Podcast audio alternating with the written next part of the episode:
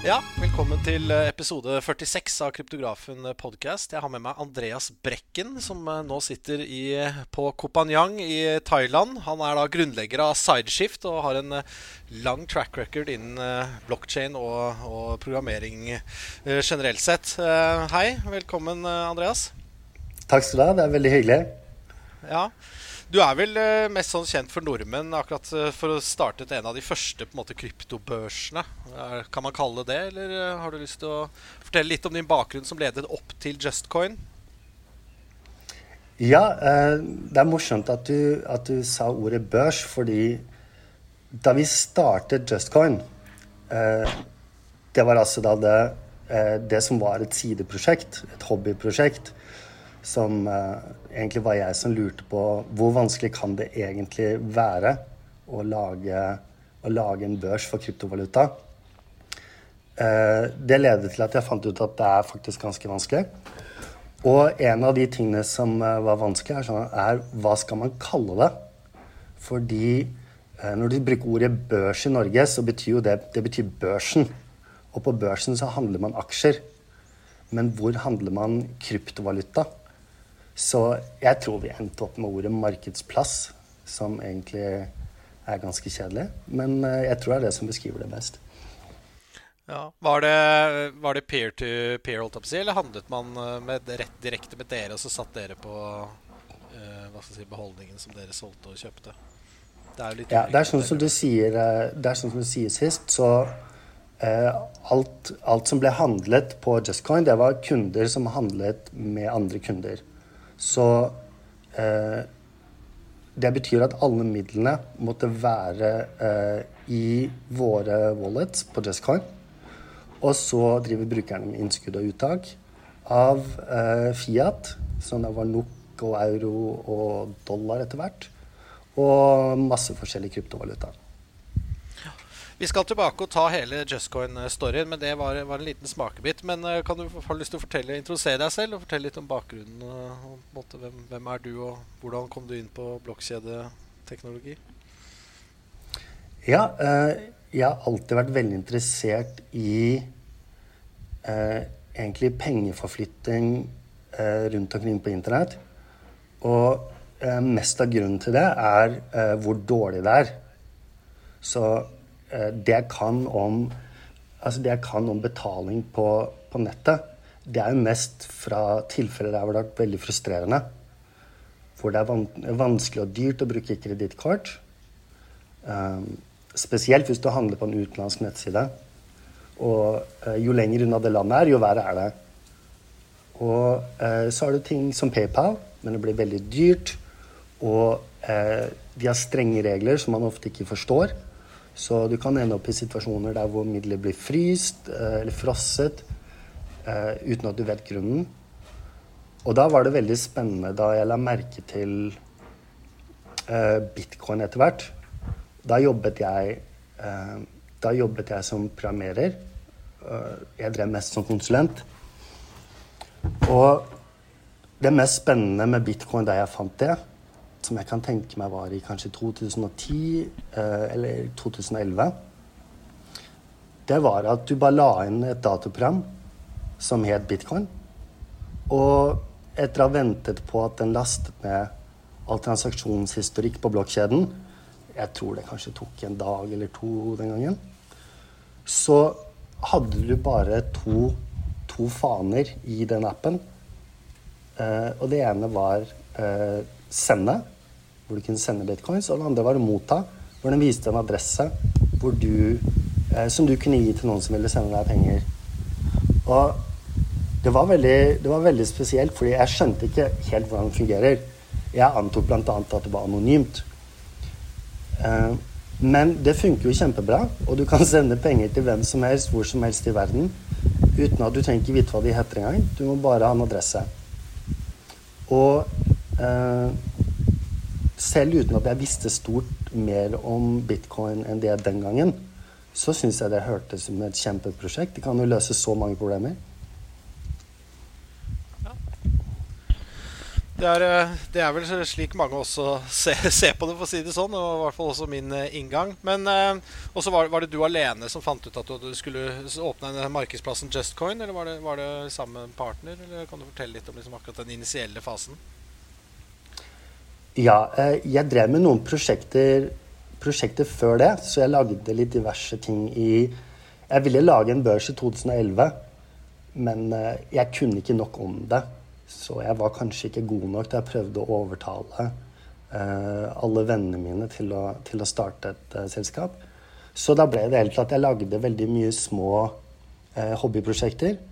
For de som har lyst til å, eh, å, prøve å bla gjennom det, så er det jo bare å komme seg på Bitcoin Talk eh, og se i arkivene. Men det var masse småprosjekter. Og etter hvert så ble jeg veldig interessert i i kryptomarkedsplasser. Den gangen var det eh, hovedsakelig MTGOX, som da nå er eh, fortsatt eh, konkurs etter å ha mistet mye av midlene til kundene. Og så var det Bitstamp. Og så var det eh, noen andre mindre som kanskje ikke så mange husker. Kryptsi og BTCI osv. Så, videre.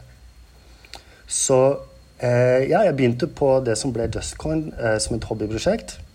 Og da satt jeg egentlig og jobbet på det alene i jeg tror det var kanskje to måneder. Og etter Og ca. den samme tiden så eh, var jeg egentlig og så etter jobber. Så jeg intervjuet bl.a. med uh, Ripple, som er de som driver en valuta som heter XRP. Det gikk ikke, for de kunne ikke skaffe meg visum til USA.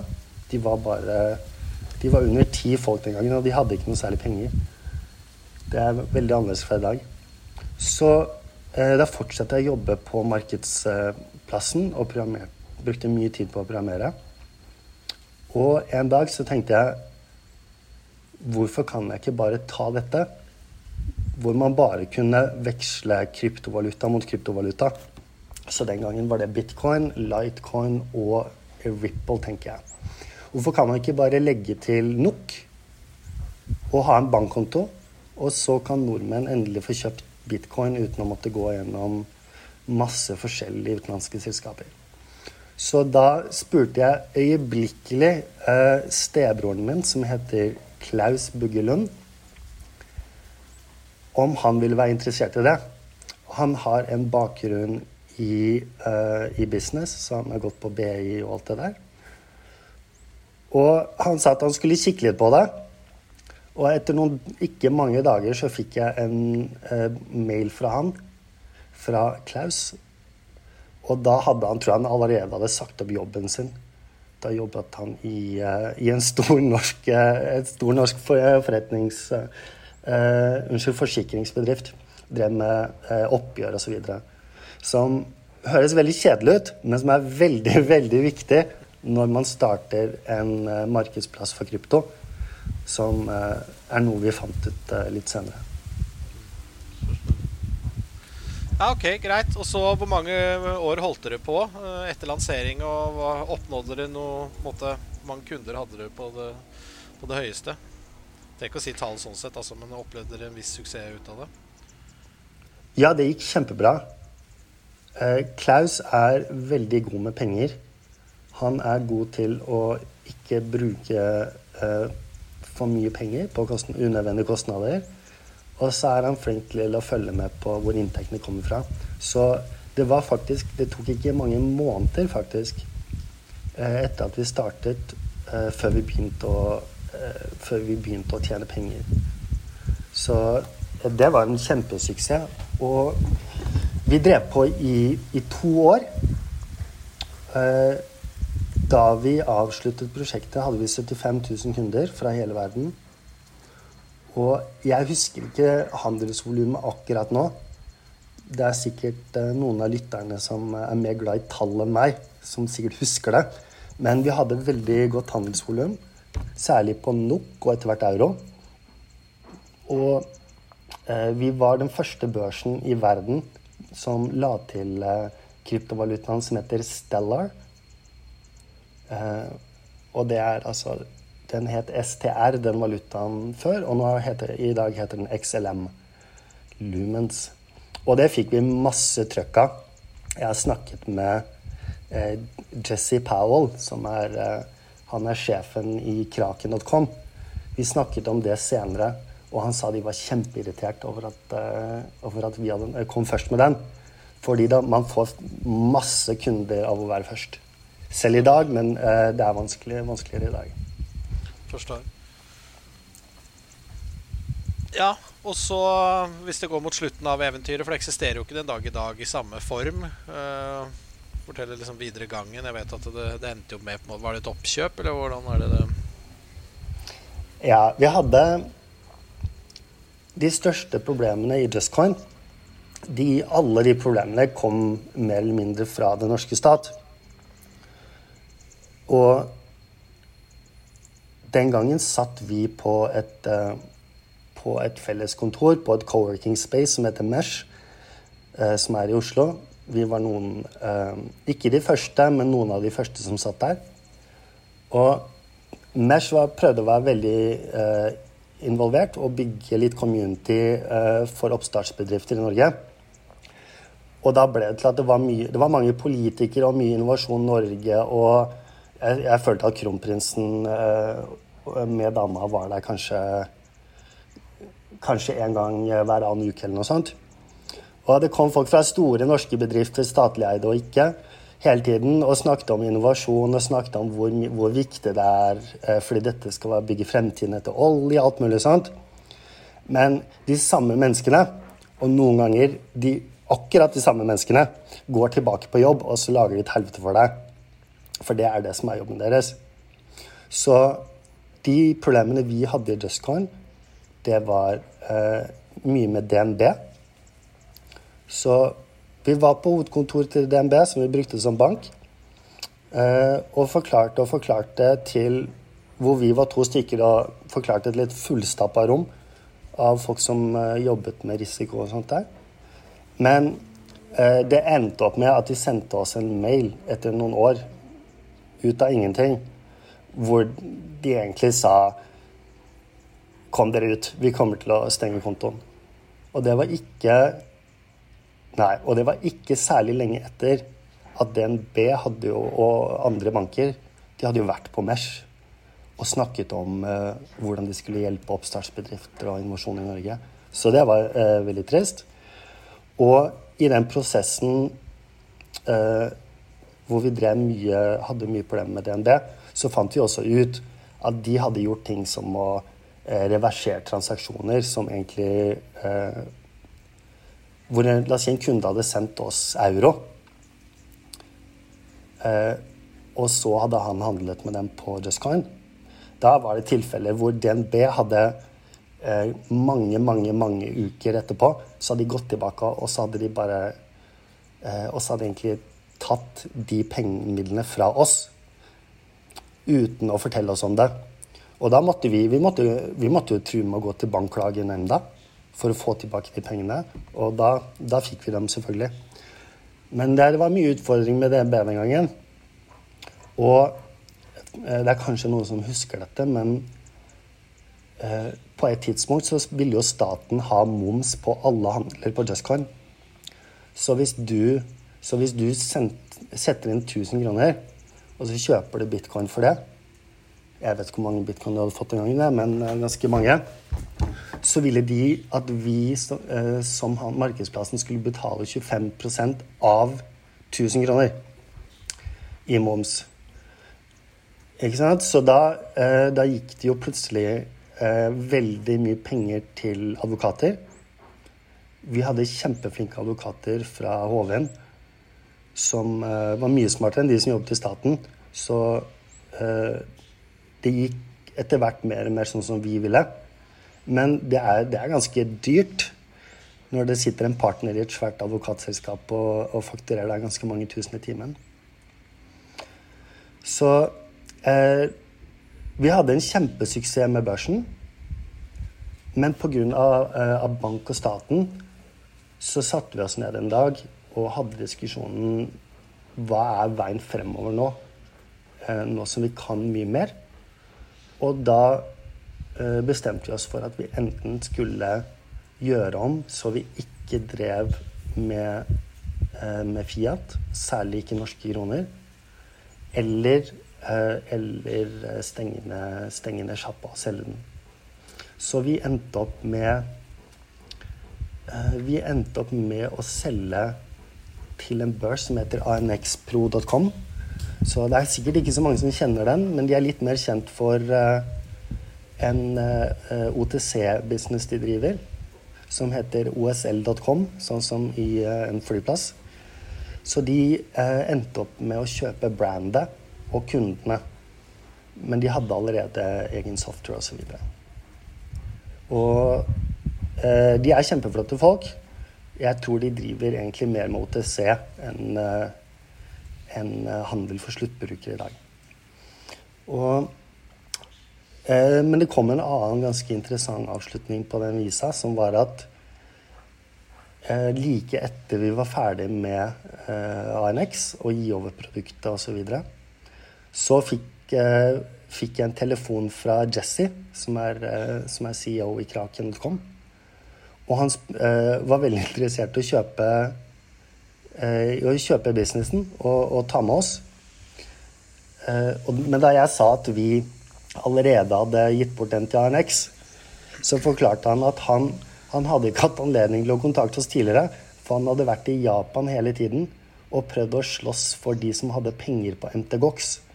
Så, så, um, så, de som var ansvarlig for konkursen, altså retten i Japan, ikke skulle sløse bort uh, alle penga.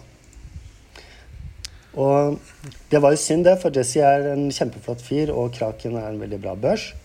Så da spurte han om eh, Hvis vi ikke kunne selge han sjappa, så kunne vi iallfall begynne å jobbe der. Mm. Så da eh, begynte faktisk både Klaus og jeg å jobbe for Kraken. Hvor eh, han drev med forretningsutvikling, og jeg drev med eh, software engineering. Ja, Måtte dere flytte til eh, For det er Canada-basert, eller var det remote eh, allerede da? De er Jeg vet at det er veldig forvirrende, for Kraken har hovedkvarter i San Francisco.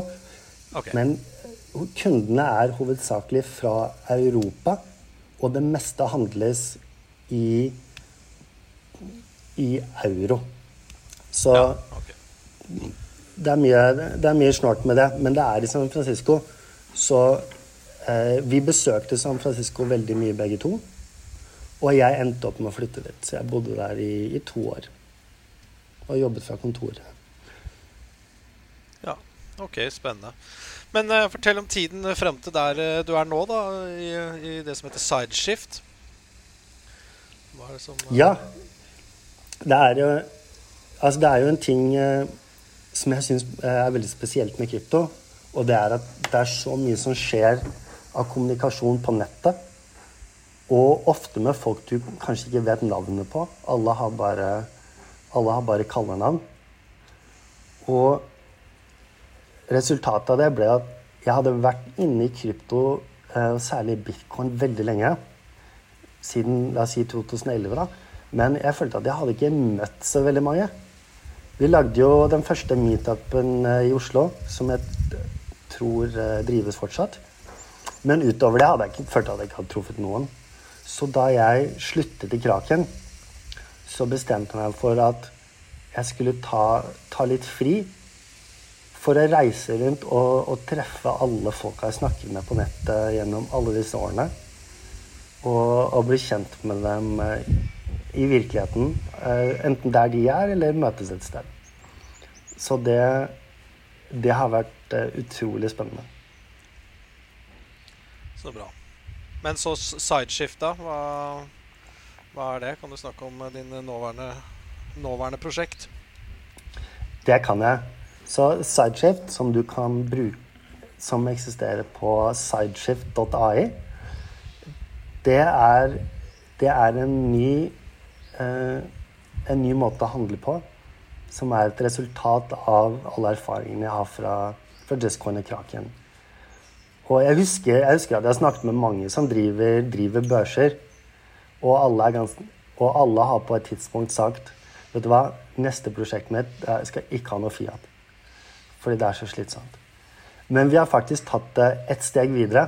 Så på, på Sideshift har du ikke Det er ikke bankoverføring der, men det er ikke noe brukerkontoer heller.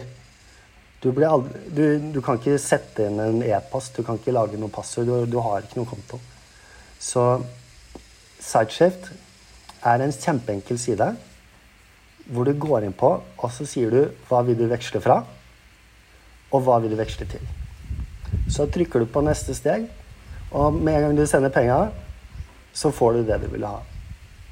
Så det er en det konkurrent sånn jeg, eh, Det er sånn jeg elsker, faktisk. No bullshit. Det er bare rett forward. Men hvordan, eh, litt sånn teknisk sett, da Er det en mm. Dex, dette, da, på en måte? Eller det er jo en peer-to-peer-Dex, eller er det, er det, jeg som roter, eh, på en måte? Ja, altså jeg tror Det er mulig at du tror ting, mye er peer-to-peer som kanskje ikke er det. Men hvis vi kan gå over, hvis vi kan gå over forskjellige navn her så en, altså en sentralisert børs det betyr, det betyr at uh, børsen sitter på Eller markedsplassen, da. Sitter på alle midlene. Og, uh, og kundene kan sette inn og ta, uh, ta ut penger. Og så har du det som vi driver med, som er at vi ikke sitter på pengene dine når vi ikke trenger det. Så hvis du vil bruke Sideshift for å veksle fra bitcoin til Ethereum, så sender du bitcoins til oss. Og med en gang vi har mottatt dem, og så snakker jeg, altså det, er, mindre enn to sekunder, så får du Ethereumen. Så du kan ikke kalle det desentralisert, men kanskje vi kan si uh, at vi har minimert risikoen. Fordi men er det dere som har... sitter på inventory? Altså det, sitter dere på et, Hvor kommer, kommer Ethereumen fra som du får i retur? Er det fra en annen kunde? Da? Nei, det er det som er utfordringen, og det er det som er magien, og det kan jeg dessverre ikke forklare. Nei, jeg skjønner. Jeg skjønner. Så jeg, kan forklare mye annet, jeg kan forklare mye annet, men, men, hvis du spør om hvordan vi setter prisene, ja. og hvordan vi, vi nei, nei, nei, leverer varene jeg vil bare forstå om, man handlet med dere eller om man handlet med en, med en uh, reell annen person. Men det, det, det går helt fint. Ja, så vi er, okay. ja, så vi, vi er ikke en DEX, men uh, for de som ikke vet det, så er en DEX det er uh, kort for desentralisert børs. Og det er der hvor det er en måte å handle på hvor handelen skjer gjennom smartkontrakter, og eh, det ikke er noen tredjepart eh, som blir involvert. Og det er da ikke vi, men eh, vi kan gjerne integrere med det, med, med disse forskjellige deksene, sånn at, sånn at, vi hjelper til med likviditet på deksen, og kanskje i andre tilfeller at deksen hjelper til med likviditet hos oss. Nei, det er, eh, ja, fantastisk enkelt. da. Ja, det er jo det jeg liker. Altså, Største problemet i mine øyne uh, i krypto er jo kompleksiteten. da, Hvis man skal liksom mm. få større adopsjon. Uh, og det er jo, Jeg er jo mm. litt teknisk, jeg er ikke massivt teknisk. Men jeg, jeg har jo syns ting har vært komplisert tidligere. Ja, altså, så, um, Men hva ser, liksom, hva ser, du Hva skal til for liksom mer mainstream adoption i kryptomarkedet? Er det andre ting enn uh, forenkling? Hva, liksom, hva, ser du liksom de store trendene fremover? i, i, eh, i kryptomarkedet? Ja, det kom, dette har jo endret seg mye over tid. Fordi da, eh, altså da bitcoin startet, så, eh, så, ble det jo mest brukt av folk som syntes det var veldig interessant teknisk. Så det var ikke av praktiske hensyn at folk brukte bitcoin den gangen. Det var en nysgjerrighet. Og så eh, Eh, begynte jo folk å se om bitcoin på, altså på Keiser Report eh, på YouTube osv. Det er sikkert 2010. Og da tror jeg folk begynte å kjøpe mer som investering. Fordi de så på det som eh, at det hadde At det hadde bedre At det holdt seg bedre i, eh, i verdi enn cash. Og enklere eh, å transportere enn en gull og, og, ganske billig å forflytte sånn generelt og raskt. Men dette har jo endret seg over tid. Eh, så det har blitt mer og mer investering. Og når bitcoin er så populært som det er i dag, så blir det faktisk dyrere å sende bitcoin. Fordi det er bare så så, så mange transaksjoner som kan skje eh, i løpet av en blokk, altså i, i ti minutter. Så når det er mange som vil inn, da, blir, da, må du by opp hvor mye du betaler med. Så det vi ser i dag, er at det er særlig bitcoin brukes mye mer eh, til investering enn eh, en betaling. Og da har man helt andre, helt andre spørsmål enn hvor enkelt er det å bruke. For hvis du skal spare, så trenger du bare få tak i det én gang, og så må du lagre det på noe sikkert. Kanskje en hardware wallet eller, eh, eller noe sånt. Men hvis du skal bruke som betaling, da må du konkurrere med PayPal, da må du konkurrere med Venmo, da må du eh, konkurrere med Swish. Og de 100 andre sånne som eksisterer, bl.a. WeChat Pay i Kina, som har eh, over en milliard brukere.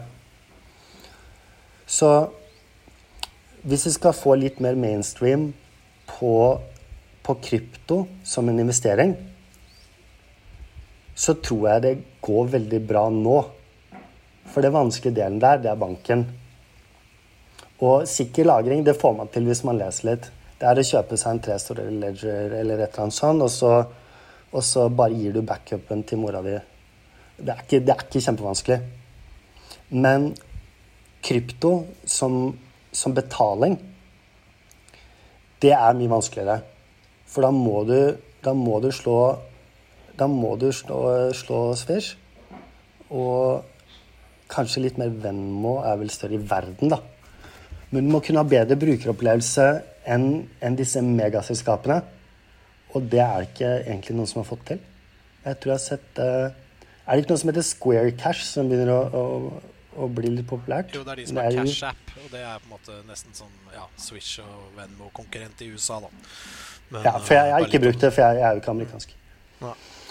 Og, Nei, så det er lagring, på, da. Hvis det er en tredje, da. Men det, det er en tredje som, uh, som, jeg kan legge til, som er, som er smartkontrakter og, uh, og, og, gambling på nettet og uh, låne og låne ut, som i dag I dag kaller man vel kanskje det DeFi. DEFI, som, som da er kort for altså desentralisert finans. Og på den fronten så ser det jo ut som det skjer veldig mye. Jeg bruker ikke det mye selv, fordi jeg tror det er hovedsakelig gambling. Men det er jo mye interessant man ser som skjer der. For de som følger med Ethereum, så har man jo alle disse flash-lån og, og desentraliserte markedsplasser og desentraliserte steder å gamble på enten sport eller politikk eller uh, eller priser på ting, sånn som man ofte gjør med CFD-er i dag. Så det ser dessverre ut at, uh, at de mest interessante er lagring og, og DeFi. Jeg, skulle, jeg had, håpet jo alltid på betaling, men uh, man kan jo ikke alltid få det sånn som man vil. Ja, så Litt så avslutningsmessig da, så så vi nå at Norges Bank eh, kastet seg på bølgen og vurderer en sånn digital eh, sentralbankvaluta, da, digital krone. Hva tror du om eh, sentralbankvalutaer på blokkjede? Vet du hva, hvis det, hvis det, kan gjøre det enklere å kjøpe bitcoin, så syns jeg det er kjempefint. For det er det eneste du kan bruke det til. Vi, eh, Men jeg har en spekulerte Nei, bare kjør, du. Ja, fortsett du. Ja. Nei, vi spekulerte litt på uh, Vi gutta på jobben der rundt For hvis, hvis de innfører digitale kroner så må man endre det som heter point of sales da, på nettbutikker mm. og, mm. og, i fysiske butikker til en 100% digital uh, hva skal jeg si uh, peer-to-peer-løsning, nesten. da.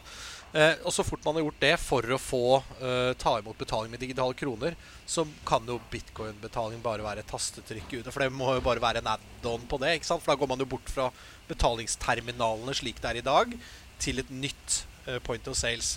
Så um, det var egentlig bare litt sånn spekulasjon fra vår side om det faktisk kunne da gjøre det enklere for f.eks. en kaffesjappe eller en XXL å ta imot, uh, ta imot betaling i, i andre valutaer enn en norske kroner. Sånn. Ja, og det er, uh, dette er noe jeg driver med, fordi uh, Sideshift, vi, Sideshift vi jobber jo på å uh, integrere oss inn i sånne point of sale-løsninger, altså fysiske butikker og nettbutikker. Fordi ofte fordi det er tilfeller der hvor, hvor butikken vil motta, eh, vil motta bitcoin i stedet, for, eh, i stedet for det han tar i dag. Eh, og så er det tilfeller der han vil motta eh, La oss si han vil motta kroner, men kunden skal kunne betale med bitcoin. Og der, eh, det er løsninger sånn som Sideship er veldig nyttig. Fordi da, Da trenger det ikke være et én-til-én-forhold mellom hva kunden betaler med, og hva butikken mottar.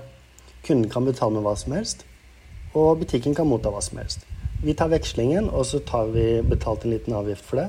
Men da slipper du å tenke på alt sammen. Du bare mottar én ting.